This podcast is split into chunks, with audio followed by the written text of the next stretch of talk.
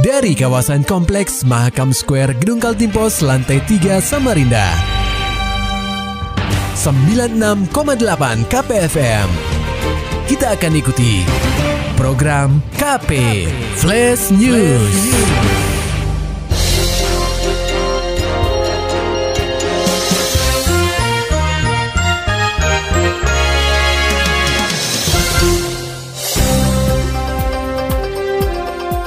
Anda sedang menyimak program KP Flash News bersama saya Agung Pratama.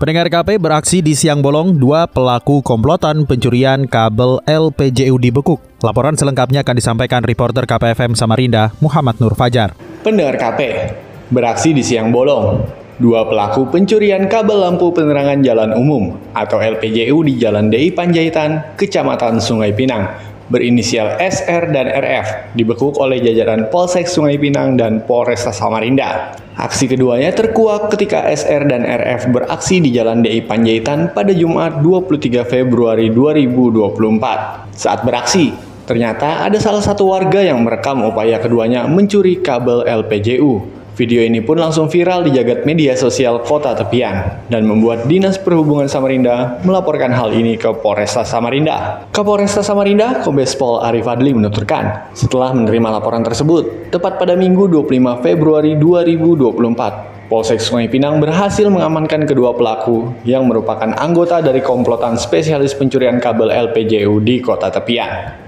Berdasarkan hasil penyidikan, kata Ari, ternyata para pelaku ini sudah beraksi berkali-kali di berbagai LPJU, di antaranya di Jalan Dehi Panjaitan, Jalan Esparman, Jalan Antasari, serta berbagai jalan protokol lain di kota tepian. Tercatat sudah hampir tiga tahun komplotan ini sering beraksi untuk mencuri kabel LPJU di berbagai ruas jalan. Ari membeberkan, dalam menjalankan aksinya, para pelaku tidak jarang menggunakan rompi, seolah-olah mereka adalah petugas proyek yang sedang bekerja. Setelah berhasil mendapatkan kabel, kemudian bagian tembaganya mereka jual ke pengepul besi tua dengan harga Rp100.000 per kilogramnya. Saya sampaikan ini komplotan karena masih ada beberapa orang yang belum kita amankan, yang memang uh, modus operandinya atau uh, target operasinya adalah mengambil kabel-kabel yang ada di penerangan jalan umum yang kemudian diambil uh, tembaganya untuk dijual ke uh, tempat besi tua. Nah dari hasil penangkapan atau kita amankan kedua tersangka ini, kemudian uh, dapat kita ungkap beberapa TKP. Jadi uh, ada yang di DI Panjaitan, di Esparman, di Antasari, kemudian ada juga yang mungkin rekan-rekan sempat viral viral dulu di flyover Pak Manalu. Uh, itu juga kelompok ini ya. Tapi ini sedang kita kejar pelakunya, tapi bukan dua orang ini ya, tapi temannya yang melakukan pada waktu itu. Atas perbuatannya, SR dan RF akan dijerat dengan pasal 363 KUHP tentang tindak pidana pencurian dan terancam hukuman 7 tahun penjara. Lebih lanjut, Ari berpesan kepada masyarakat apabila menemukan hal mencurigakan di jalan, silakan untuk merekam dengan lengkap dan menginformasikan kepada pihak berwajib untuk segera ditindaklanjuti. KPFM Samarinda, Muhammad Fajar melaporkan. Berita selanjutnya pendengar KP Badan Kepegawaian Daerah atau BKD Kaltim masih melakukan pemetaan untuk menentukan usulan jumlah formasi aparatur sipil negara atau ASN yang akan direkrut pada tahun ini. Kepala BKD Kaltim Denny Sutrisno menuturkan, untuk sementara pihaknya masih melakukan pemetaan formasi kebutuhan ASN di Kaltim, sehingga dirinya belum bisa membeberkan berapa usulan jumlah formasi yang akan dibuka. Jenny memaparkan sejauh ini BKD mulai melakukan persiapan perekrutan ASN mulai dari menyesuaikan peta jabatan, analisis jabatan dan sumber kerja keluar baru agar bisa menentukan usulan formasi kebutuhan ASN untuk Kaltim. Uh, belum, belum. Nanti kita bulan April lah nanti ada informasi informasi kita dalam proses perencanaan. Tapi ada ada yang diusulkan nggak Pak dari Pemprov Kaltim sendiri? Diusulkan. Berapa Pak?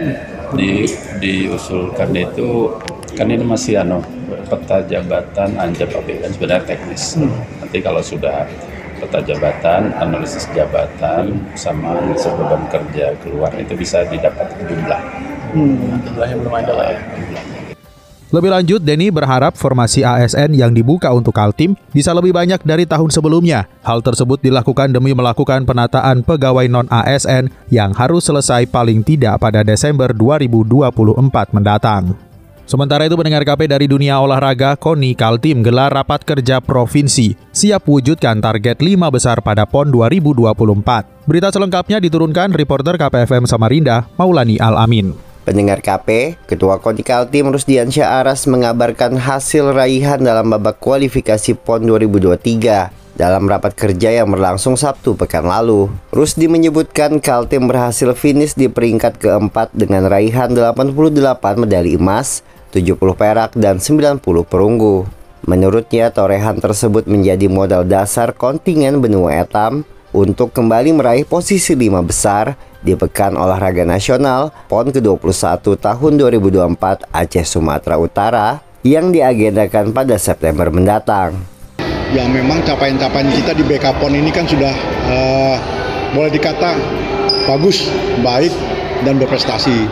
Yang target 70 medali emas yang kita targetkan di BK PON sama dengan waktu kita di Jabar, di Jawa Barat, kita sudah melampaui target. Realisasinya 127 persen ada kenaikan 27% atau 18 medali emas.